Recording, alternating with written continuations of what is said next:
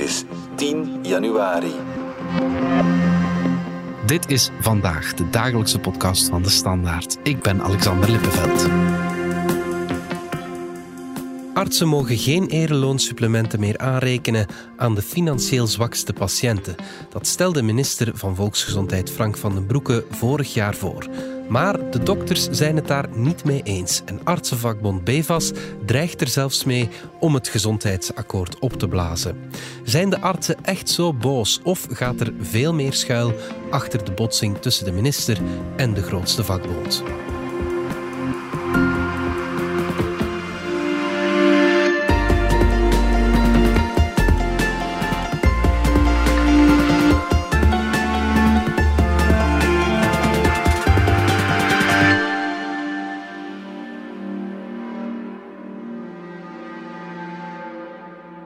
Gezondheidszorg moet voor iedereen betaalbaar zijn en het is volstrekt onaanvaardbaar dat steeds meer patiënten geconfronteerd worden met supplementen, stijgende supplementen bovenop de officiële tarieven. Dat was minister Frank van den Broeke in de Kamer eind oktober toen hij zijn gezondheidsbudget voorstelde. Simon Andries van onze politieke redactie, jij volgt de strijd om het geld in onze ziekenzorg en dus ook de recente botsing tussen minister van den Broeke en de Artsenbond. We nemen deze podcast voor de duidelijkheid op op maandagochtend. Straks is er nog een overleg tussen de minister en de vakbond. Maar we kunnen wel al zeggen, denk ik, deze clash zat er aan te komen. Hè? Ja, absoluut. Het is wel een heel, heel drastische stap die eh, de grootste artsenvakbond eh, BEVAS nu gezet heeft. Mhm. Dus die dreiging om het gezondheidsakkoord op te blazen. Mhm. Maar het komt inderdaad niet helemaal onverwacht. Ze hadden al een paar keer de voorbije maanden gedreigd of gewaarschuwd dat Van den Broeke de rode lijn aan het overschrijden was. Oké. En wat is dat dan, die rode lijn? Ja, het belangrijkste en meest symbolische eigenlijk voor de artsenvakbond is de beslissing van Van den Broeke om een, een extraatje te voorzien voor de zorgverleners, dus een, een, extra premie, maar dan wel alleen voor de geconventioneerde zorgverleners die zich aan de officiële tarieven houden. Ja, Oké, dat moet je eens uitleggen. Wat is een uh, geconventioneerde arts en een niet geconventioneerde arts? Ja, dat is eigenlijk, uh, vind ik persoonlijk zelf een vreselijke term die uh, niet veel mensen begrijpen. Maar eigenlijk is het op zich wel redelijk simpel, want een geconventioneerde arts die geeft eigenlijk aan, ik hou mij aan de officiële tarieven die afgesproken zijn met de overheid. Dus als de patiënt naar een geconventioneerde arts gaat, dan weet hij zeker dat die arts zal vragen wat dat de overheid ook voorstelt en dat hij dus geen grote, onverwacht hoge factuur zal krijgen. Ja, ja. Daartegenover staat dus de, de gedeconventioneerde artsen. Artsen kunnen altijd in het systeem beslissen om zich niet te conventioneren. Mhm. En dus te deconventioneren. En die artsen die kunnen eigenlijk ja, alles vragen wat, dat ze, wat dat ze willen aan de ah ja, patiënt. Daar staan geen limieten op. Nee, nee, nee inderdaad. En, en misschien er ook wel even uh, bij benadrukken dat artsen die geconventioneerd zijn, krijgen in ruil daarvoor wel een sociaal statuut van de overheid, wat dat ongeveer neerkomt op een 5000 euro per jaar. Dat ze extra krijgen om geconventioneerd te zijn. Ja. Daartegenover staat dus die gedeconventioneerde artsen die, die extra niet krijgen en die dat dan wel kunnen compenseren eigenlijk. Hoe zit die verhouding ongeveer tussen uh, die geconventioneerde en niet geconventioneerde artsen? Heb je daar wat cijfers van? Ja, dat is eigenlijk heel, heel verschillend tussen de artsengroepen. Bijvoorbeeld okay. de huisartsen die zijn van historisch gezien altijd heel sterk geconventioneerd geweest. Mhm. Dus als je naar een huisarts gaat, is de kans heel groot dat je gewoon de officiële tarieven zal betalen. Dat is dan eigenlijk 4 euro ja, uh, op dit moment. Ik denk dat op dit moment ongeveer 90% of zelfs meer van de huisartsen nog geconventioneerd is. Mm Hoewel je daar sinds kort ook een beetje een verschuiving ziet. Mm -hmm. En daartegenover staan dan een aantal, uh, bijvoorbeeld de tandartsen zijn uh, vaak niet geconventioneerd. Ook veel artsengroepen in de ziekenhuizen, zoals radiologen, gynaecologen, zijn ook vaak niet geconventioneerd. En ik kan het maar als tip geven dat je dan misschien als patiënt toch extra oplet om te zien hoeveel die artsen zullen, zullen aanrekenen. Je zegt het, je moet oppassen, maar in sommige ziekenhuizen vind je zelfs geen enkele geconventioneerde arts meer. In bepaalde takken dan. Uh, ja. ja. Ja, nee, klopt. En dat maakt het ook voor de patiënt heel moeilijk, omdat er soms zelfs geen keuzevrijheid meer is tussen een uh, geconventioneerde en een niet geconventioneerde arts. Want dat is ook vaak wat de artsen zeggen. Ja, patiënten kunnen nog altijd kiezen zelf naar welke arts ze gaan, maar er zijn bijvoorbeeld heel veel ziekenhuizen in Vlaanderen waar dat er geen enkele gynaecoloog in het ziekenhuis nog geconventioneerd is. Of geen enkele radioloog of uh, oogchirurg meer te vinden is die een normaal officieel tarief aanrekent. Mhm. En eh, bovendien is het ook heel moeilijk. Er is nu wel een wet in de maak om uh, de artsen te verplichten om te afficheren of ze geconventioneerd zijn of niet. Mhm.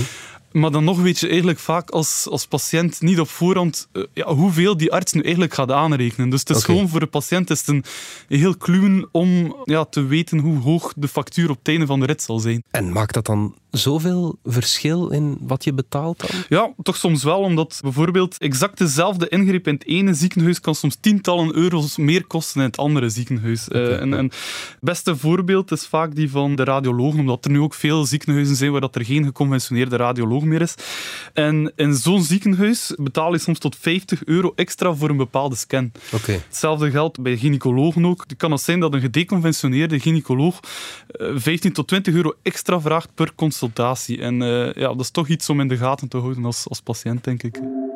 Simon, ik dacht dat je arts werd om mensen te helpen, uh, mensen te genezen, maar al die gedeconventioneerde artsen, als ik nu cynisch ben, die doen me haast vermoeden dat velen vooral arts zijn geworden om veel geld te verdienen. Hè?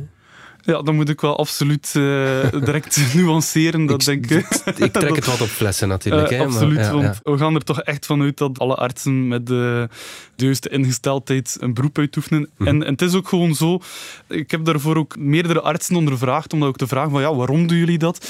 En ze hebben daar ook wel vaak gegronde redenen voor.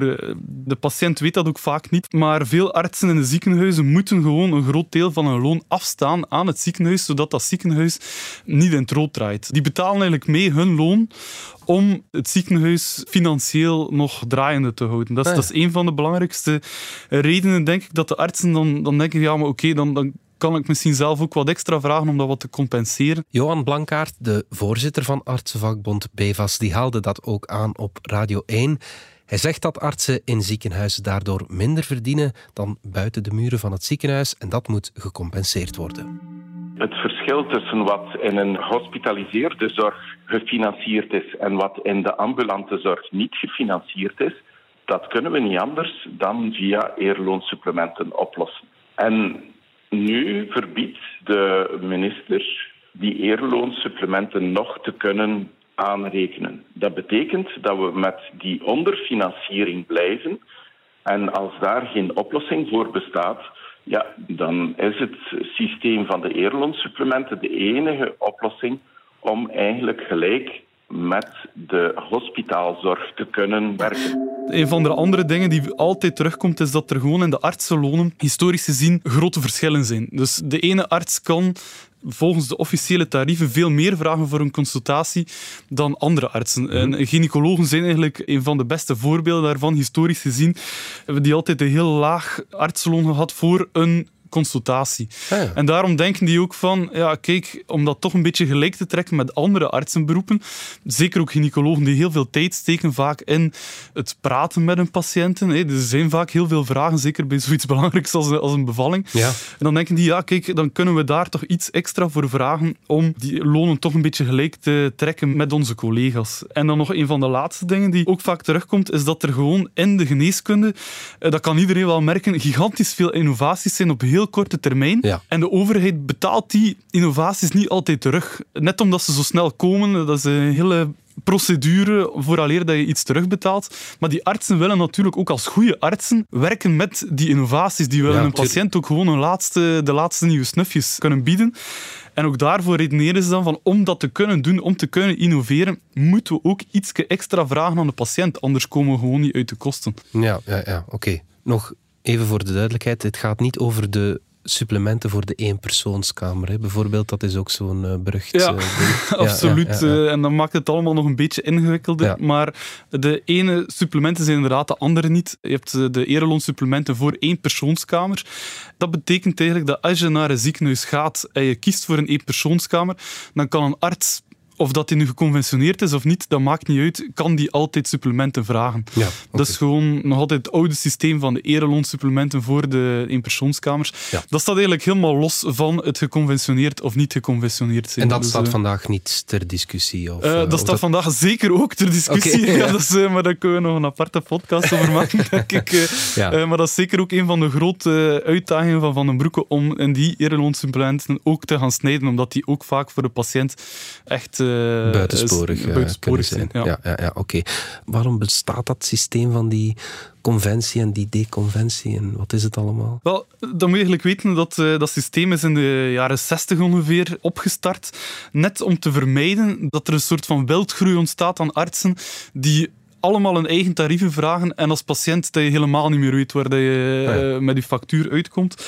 En dat is toen dus ook opgestart met eh, ook steun van de artsen toen, om in overleg artsen en de overheid samen tarieven vast te leggen, om op die manier de grootste tariefzekerheid te bieden aan de patiënten. Maar ja, dat is eigenlijk van oudsher en dat is een heel belangrijk iets om de discussie nu te begrijpen. Het artsenberoep is nog altijd een vrij beroep. Ja. Dus in principe kunnen die altijd, eh, dat gaat naar een, het- de kern van hun beroep, kunnen die gewoon vragen wat dat ze willen. En ook in dit systeem, artsen zijn niet verplicht om zich te conventioneren. Dus ze kunnen perfect afstappen nu van het systeem en hun eigen tarieven aanvragen. Alleen zitten we in België in een soort van dubbel systeem. Namelijk als je het vergelijkt met eh, het Verenigd Koninkrijk. Als je daar als arts beslist om je te deconventioneren, dan wordt ook als patiënt niets meer terugbetaald.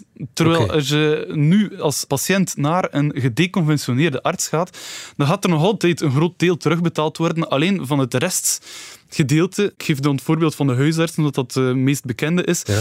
in plaats van 4 euro te betalen, ga je misschien 6 of 8 euro moeten betalen. En dan hangt het een beetje af van de, de arts zelf om ja, niet te veel te vragen. En dat moeten we er ook wel bij zeggen. Ook al kunnen die als niet geconventioneerde arts alles vragen wat dat ze willen. In de praktijk ga je zien dat de artsen ook wel echt, eh, ook gedeconventioneerde artsen, geen, Geen excessen. eh, geen excessen. ja, ja. Er zijn er misschien een paar, er gaan er altijd zijn. Mhm. Maar dat gaat ja, ook niet buitensporig zijn.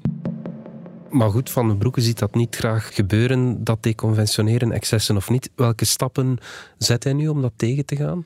Ja, ik denk dat het belangrijk is om wel vast te stellen, en dat hebben we ook met de standaard nog een reeks rond gedaan, is dat we gewoon zien dat hoe langer hoe meer steeds meer artsen wel die supplementen gaan vragen en die zich dus steeds meer deconventioneren. En dat is inderdaad de reactie van Van den Broeke nu. We moeten daar nu iets aan doen, anders krijgen we straks gewoon opnieuw een wildgroei aan die Ja. tarieven. En eh, er zijn nu een aantal kleine stapjes om dat een beetje tegen te gaan. En eh, een van de ja, meest opvallende is nu dat hij bijvoorbeeld een premie wil geven aan zorgverleners die geconventioneerd zijn. Dus gedeconventioneerde zorgverleners, die, die krijgen dan die premie niet. We hebben 100 miljoen euro ter beschikking gesteld voor compensatie van kostenproblemen waar artsen en andere zorgverstrekkers ook mee te maken hebben. Maar alleen voor diegenen die geconventioneerd zijn, niet voor anderen. En ik zal het daar ook bij houden, ondanks protest dat ik daar rond hoor, want ik vind dat maar normaal. Wij willen zorgverstrekkers steunen, maar in ruil daarvoor moet er meer respect zijn voor de tarieven. Dan hetgeen waar dat, eh, de artsenvakbond BVAS eigenlijk het meeste over valt, is dat Van den Broeke nu ook alle zorgverleners wil verbieden om in de ambulante zorg, dat is dus de zorg buiten de ziekenhuisopnames, Ja. nog ereloonsupplementen te vragen aan financieel zwakkere patiënten. Dus patiënten die eigenlijk een verhoogde tegemoetkoming al krijgen. Oké, ja.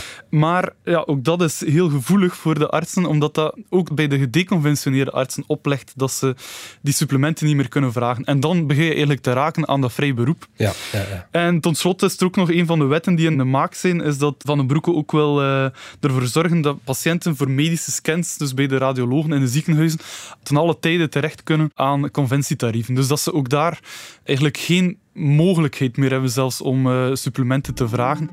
Op korte termijn wil ik ook garanderen aan elke patiënt in elk ziekenhuis in dit land dat je een CT-scan kan krijgen of een NMR zonder supplementen. Dat wil ik op korte termijn realiseren. Daarover plegen we ook overleg.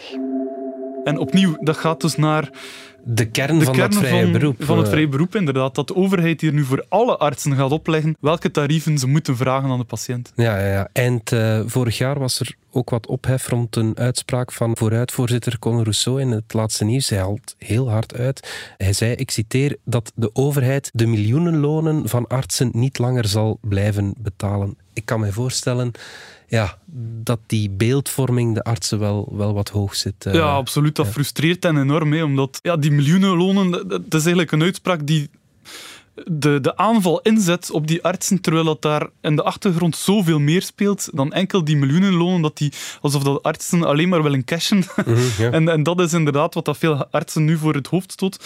En ja, wat dat PFAS nu ook, en dat gaat ook inderdaad dus naar die kern van die ideologische strijd, is dat zij voelen dat vooruit met Van den Broeke kleine stapjes zet naar die artsen veel meer in het gelid krijgen en uh, allemaal aan de conventietarieven werken. Ze dan... noemen het een, een, een staatsgeneeskunde. Hè? Ja, ja, ja, absoluut. Uh, en nu, dat lijkt mij op dit moment wel nog overdreven. Maar inderdaad, het toont gewoon aan wat dat de vrees is van die artsen. Namelijk dat de overheid straks alles zal bepalen en dat zij op die manier een, een, vrij beroep niet meer kunnen uitoefenen. En dat is echt van oudsher, dat is echt niet te onderschatten welke macht de artsen altijd gehad hebben, ook in België, om mee de tarieven te bepalen en mee te kunnen beslissen over wat dat ze kunnen vragen aan de patiënt. Ja, gaan alle vakbonden eigenlijk mee in dat verzet? Nee, er zijn er ook eh, de kleinere artsenvakbonden die zelf vinden van de stap die ze nu zetten om heel dat budget, eh, gezondheidsbudget op eh, de helling te zetten. Dat gaat voor ons te ver. En kan de patiënt eigenlijk de dupe worden van deze ruzie, zeg maar? Tot nu toe was dat vooral een beetje een, ideologische strijd tussen Van den Broeke en de artsen. Dat speelde zich af op de achtergrond. Mhm. Maar nu, door het reglement van Bevas om het volledige gezondheidsbudget niet goed te keuren, ja, dreigt de patiënt daar inderdaad wel echt de dupe van te worden. Hmm. Want als dat niet goedgekeurd wordt, dan worden al de afspraken die de ziekenfondsen, de overheid en de artsen samen gemaakt hebben voor het komende jaar, uh, komende twee jaar eigenlijk, komen die op de helling te staan. En om een aantal heel concrete voorbeelden te geven, daar zat bijvoorbeeld de beslissingen om uh, gratis tandzorg te voorzien uh, tot en met 19 jaar in plaats van 18 jaar. Daar zat ook een betere terugbetalingen van brilglazen. Mhm. Ook hoofddeksels voor kankerpatiënten die nu terugbetaald worden. Ja. Bon, in het algemeen, als zo'n akkoord er niet is, wil dat eigenlijk zeggen dat de tarieven, of dat artsen volledig vrij zijn om tarieven te vragen aan een patiënt. Ik moet er dan wel ook onmiddellijk bij zeggen dat er ook een extra angel is uh, in ons systeem. Dat is namelijk als er geen akkoord wordt bereikt, dat de overheid ook kan beslissen om zelf als laatste de tarieven op te leggen. En uh, dat is natuurlijk iets ja.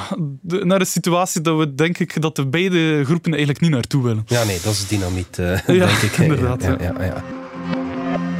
Straks gaan we naar het echte pijnpunt in deze discussie misschien wel, maar eerst gaan we er even uit voor reclame. De technologische innovaties en interessante condities bij Mercedes-Benz zetten je rijervaring werkelijk op zijn kop. Kom in januari langs bij Hedin Automotive en ontdek de vele ingenieuze luxe, veiligheids- en comfortpakketten op een breed gamma aan toonzaalmodellen. Of ervaar het gewoon zelf tijdens een uitgebreide proefrit. Ontdek onze voorraad aan stokmodellen op hedinautomotive.be of kom langs in een van onze 20 showrooms. Simon, terug naar de ruzie tussen de artsen en minister Van den Broeke dan. Een van de redenen waarom artsen vaak de tariefafspraken niet volgen en extra vragen is, dat zeggen ze, en je zei het ook al, omdat ze veel moeten betalen aan een ziekenhuis om er arts te mogen zijn. Leg dat eens uit. Die, ja, eh, ook dat gaat opnieuw naar de kern van het probleem, is dat onze ziekenhuisfinanciering, en dat gaat iedereen in de zorg erkennen, gewoon echt een kluwen is. Niemand raakt daar nog aan uit. En het wordt eigenlijk door corona heeft het nog een keer allemaal op scherp gezet en, en heeft ook de ziekenhuizen met de neus op de feiten gedrukt.